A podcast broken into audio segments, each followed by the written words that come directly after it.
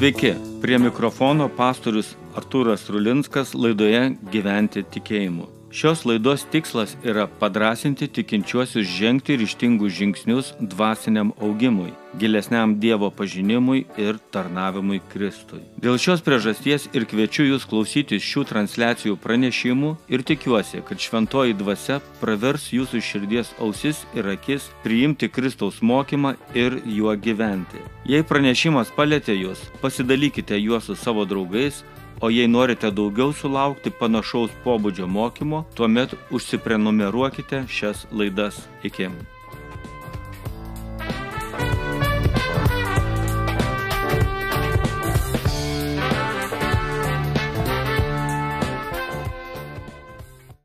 Žmogus pagal Dievo širdį - karaliavimo metai. Ką aš galiu padaryti dėl Dievo? Pagal 2 Samuelio knygą 7 skyriaus pirmasias 17 eilučių. Mums visiems būna jausmas, kad galime kažką gerą padaryti kitam asmeniui. Dėl to mes rašome vienas kitam laiškus, perkame dovanas, padarome malonių surprizų. Be abejonės tikinti žmogus tokius dalykus daro ne vien tik žmonėm, tačiau dažnai toks noras iškyla ir kažką gero padaryti dėl Dievo. Dėl šios priežasties, kai kas iš mūsų einame tarnauti viešpačiui, prisijimame naujų atsakomybių. Aš įsivaizdavau, kad man reikia studijuoti teologiją, nes noras pažinti Dievą buvo didesnis už norą tarnauti. Noras, kuris yra geras, ne visada baigėsi gerai. Šiandien mes žvelgsime į pasakojimą, kuriame karalius Dovydas norėjo Dievui padaryti ypatingą dalyką. Jis turėjo daug entuzijazmo daryti didelį dalyką, o jo entuzijazmas viešpačiai nebuvo priimtinas. Tiksliau, entuzijazmas buvo primtinas, bet tai, ką jis norėjo padaryti, nebuvo primtina. Viešpats jam davė netgi daugiau, negu kad Dovydas galėjo pasvajoti. Apie tai ir kalbėsime. Pradėsiu skaityti nuo 2 Samuelio 7 skyriaus pirmasias tris eilutes ir pirmiausia tema - noriu kažką padaryti dėl viešpatės. Įsikūrę savo rūmose, viešpačiai suteikus jam ramybę iš visų pusių nuo priešų, karalius kalbėjo pranašui Natanui. Tik tu pažiūrėk, aš gyvenu kedro rūmose, o Dievo skrinė pasilieka palapinėje. Natanas tarė karaliui, eik ir daryk viską, kas tavo širdie, nes viešpats su tavimi. Kada paskutinį kartą mums kilo mintis, kad mes norime kažką daryti dėl viešpatės? Kai kuriems tokios mintis turbūt kyla nuolatos, o kai kuriems jų iš vis nebūna. Dovydas kalbėdamas su pranašu Natanu pasakė jam šią mintį - reikia pastatyti namus Dievo skryniai laikyti. Tai būtų kažkas tokio ypatingo, ką būtų galima padaryti dėl Dievo. Dovydui gyvenime pagaliau pasisekė. Tie, kas esame skaitę apie jį, tai turbūt pirmą kartą pamatome jį nurimusi ir mąstantį, ką būtų galima daryti toliau. Iki šios vietos Dovido gyvenimas buvo ištisinė grėsmingų įvykių virtinė - bėgimas nuo Sauliaus, gyvenimas emigracijoje, kova dėl sosto, įsitvirtinimas karalystėje. Be abejonės jo gyvenimo eigoje buvo ramių dienų, tačiau štai toks laikotarpis, kai jis turi ramybę iš visų pusių, turbūt yra pirmas. Davidas mane žavi tuo, kad štai jis šiuo laikotarpiu įvertina tai, kaip jis gyvena ir įvertina tai, ko Dievas galėtų iš jo norėti. Pirmiausia, jis įvertina savo paties gyvenimą. Pirmas dalykas, kurį jis pastebi, tai ta ramybė iš visų pusių. Antras, kurį jis pastebi, kad jis gyvena prabangiai ir turi daug įtakos. Apie ramybę. Tai daugelį iš mūsų jį baugina. Ką mes darome, kai turime ramybę iš visų pusių? Vieni iš mūsų, kurie yra įpratę prie veiksmo ir darbų, tos ramybės nekenčia. Kiti šią ramybę pasinaudoja ir apmasto dalykus, kurių būtų galima gyvenime siekti ir kurie galėtų tapti jo gyvenimo dalimi. Dovydas turėdamas tokią ramybę visiškai nesijaučia kaltas. Galbūt kai kurie jo bendražygiai galėtų jam sakyti, ir kaip tu gali būti ramus, kai yra tiek daug nepadarytų darbų. Kaip tu, kaip karalius, gali ramiai savo sėdėti, žinodamas, kad karalystėje trūksta darželių ir mokyklų, nėra socialinių paslaugų infrastruktūros, daugelis žmonių gyvena žemiau skurdo ribos, pedagogo atlyginimas mažas. Tikrai karalius galėtų visą savo gyvenimą gyventi įtampoje, pats dirbdamas, naikindamas korumpuotus valdininkus, tobulindamas karalystės sistemą. Ramybė iš visų pusių yra Dievo dovana kiekvienam iš mūsų. Šios dovanos negalima atstumti. Šios dovanos nereikia pavydėti kitam. Ši dovana yra iš Dievo ir ją žmonėms viešpats duoda nepriklausomai nuo socialinio statuso ar užimamų pareigų. Pamėginkime įsivaizduoti gyvenime, kuriame yra nerimas iš visų pusių ir taip tęsiasi visą gyvenimą. Tai būtų siaubinga, gyventum tik reaguodamas į aplinką ir neturėdamas jokios laisvės savo sprendimams.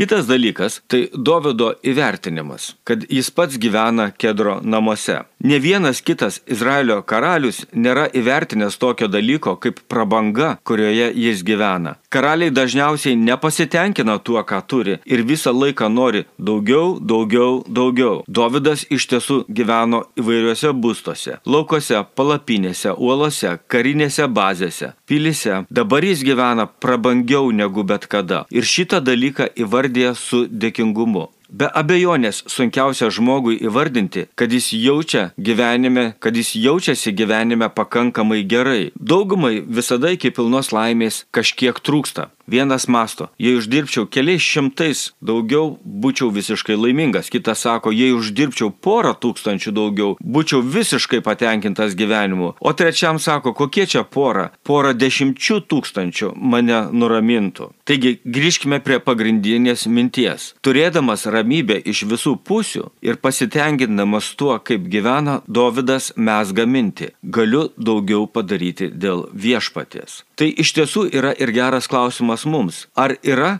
ką mes galime padaryti daugiau dėl viešpaties. Ši mintis turi ateiti ne iš noro būti dvasingesniu, ne iš noro konkuruoti su kitu žmogumi, ne iš kalties, kad esu kažką skolingas Dievui ir ne iš noro aktyviau gyventi, nes negaliu ramiai nusėdėti vienoje vietoje, ne iš noro įprasminti savo ger gyvenimą gerais darbais. Mintis tarnauti Dievui ir kažką didingo padaryti dėl viešpaties ateina iš ramybės, kurią jis yra mums davęs ir iš pasitenkinimo to, ką aš esu iš jo gavęs.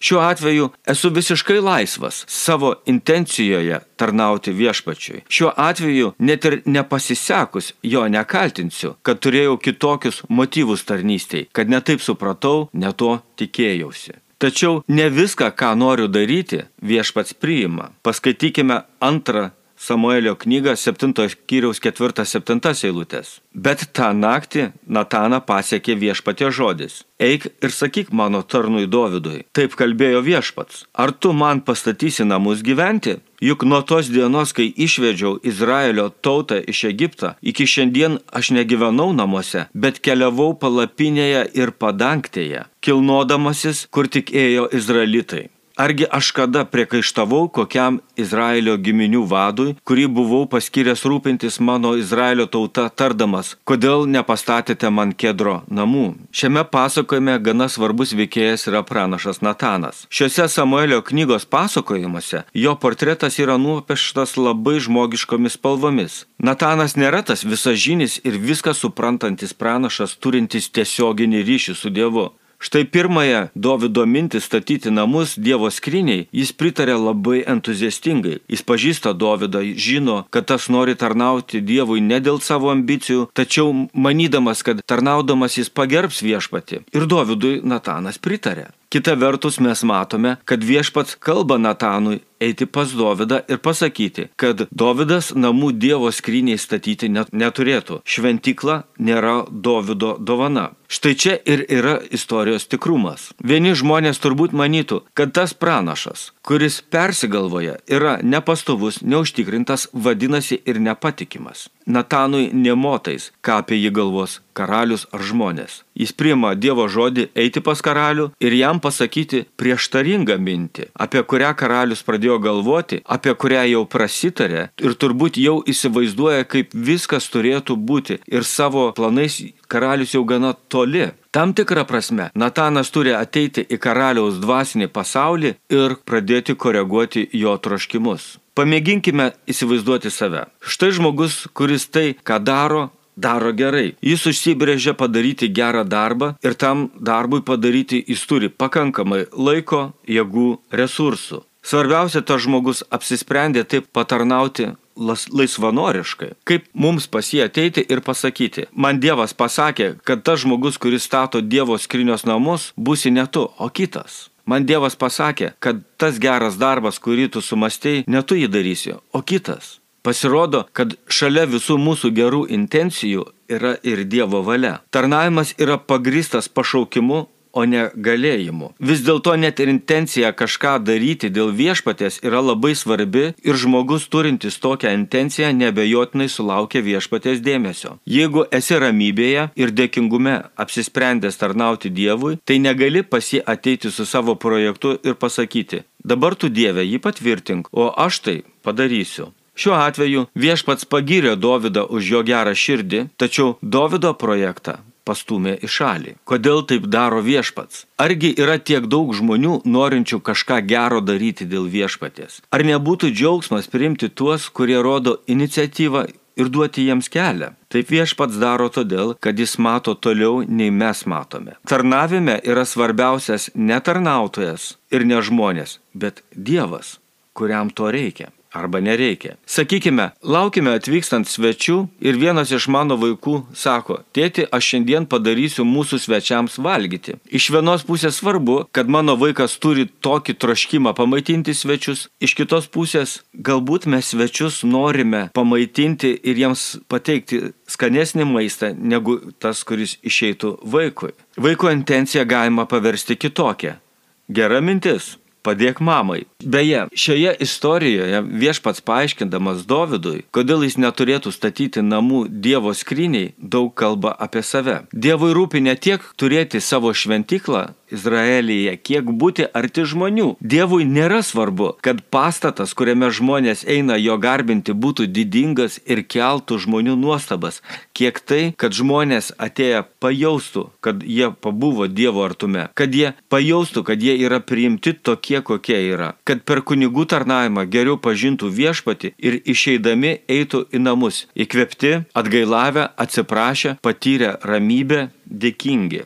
Ir trečia, noras kai ką padaryti dėl tavęs, tai viešpatės iniciatyva keisti mano gyvenimą. Antras Samuelio 7 skyrius 16 eilutė. Tavo namai ir tavo karalystė bus amžinai tvirti mano akivaizdoje, tavo sostas bus amžinai tvirtas. Taip viešpats sako Dovydui. Neliūdėk, kad tau parodžius iniciatyvą ir gerą valią tarnauti viešpačiui, jis tavo projektą padeda į šalį. Tai padaręs jis nenori palikti tavęs nuvylęs, kad tu tuomet sakytum, norėjau kažką gero padaryti viešpačiui, tačiau pasirodo, aš jam esu netinkamas yra tai, ko mes lengvai nepamatome. Nors tavo projekto nepriema, jis priema tavo širdies intenciją. Tai jis vertina labiau nei tarnystę, kuri yra skirta ne tau. Šiuose žodžiuose, su kuriais Natanas atėjo pas Dovydą, yra būtent tokie viešpaties pažadai. Izraelio tautai, kuria rūpinosi Dovydas ir norėjo, kad ji būtų arčiau viešpaties ir pačiam Dovydui ir jo namams. Dažnai mes tarnaujame dėl savęs ir dėl Dievo. Jei mūsų tarnavimas yra ir būdas, kaip mes garbiname Dievą, tuomet puiku ir teisinga. Šalia to viešpats parodo, kad tarnauti reikia ir dėl žmonių, ir dėl tautos. Pats viešpats sako savo tautai Izraeliui paskirsiu vietą ir tvirtai įkurdinsiu, kad saugiai gyventų ir daugiau nebebūtų varginami.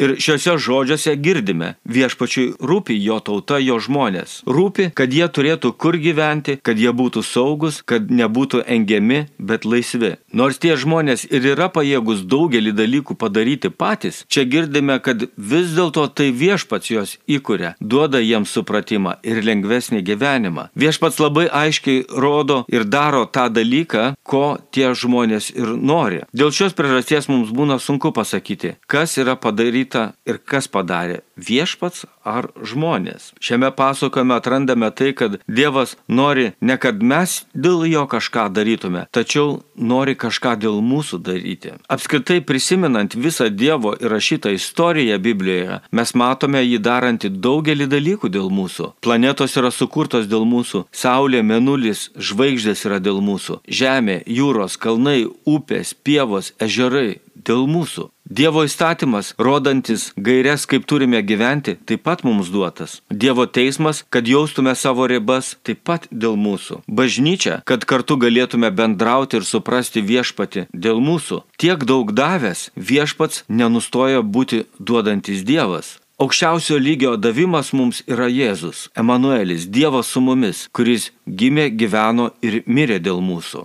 Šiame Dievo jau dėl mūsų padarytų darbų kontekste mūsų noras kažką padaryti dėl Dievo yra labai mažas dalykas. Kita vertus, tai labai didelis dalykas. Pažvelkime įdėmiau į Dovydą. Dovydas norėjo viešpačiui pastatyti namus, tačiau jis išgirsta atvirkštinę žinę. Viešpats pareiškia tau, kad viešpats padarys tau namus. Dovydui viešpats pastatys namus. Dovido kedro namai, kuriais jis didžiuojasi, yra labai mažas dalykas su tuo, ką viešpats da, ruošiasi daryti jam. Kedras tai yra medis, kuris dega, pūva, yra laikinas. Viešpats nori matyti Dovydą gyvenantį ne laikiną gyvenimą prabangiuose mediniuose namuose, tačiau amžiną gyvenimą Dievo karalystėje. Dovido namai bus amžinai tvirti ir Dovido sostas bus amžinai tvirtas Dievo akivaizdoje. Pabaigai. Jeigu šiandien mes turime troškimą kažką daryti dėl viešpatės, tai iš tiesų labai geras troškimas. Jei mūsų troškimas kažką daryti nebuvo viešpatės patvirtintas, tai tikrai nėra pasaulio pabaiga, mums troškimas lieka gyventi viešpačiui ir jį garbinti ir būti dėkingu dėl viso to, ką jis yra mums davęs. Na, o jei to troškimo nėra? Jei galvoju, viešpats yra galingas, turtingas, visko turi, ko tik nori, jis turi ir viską gali, ir tas mažas dalykas, kurį aš galiu jam duoti, jo nepraturtins, tai geriau nieko aš ir nedarysiu. Tuomet ar galiu ir taip daug gavęs, tačiau nieko netrokšdamas duoti, sukurti, padaryti, pastatyti viešpačiui, tikėtis, kad ir man dar daugiau bus suteikta. Manau, kad būtent troškimas tarnauti viešpačiui ir yra tas lemiamas veiksnys, kai mūsų gyvenimą matydamas viešpats sako, ir aš tau padarysiu kažką tai ypatingo, padarysiu daug didingesnių dalykų, nei tu gali pagalvoti. Iki.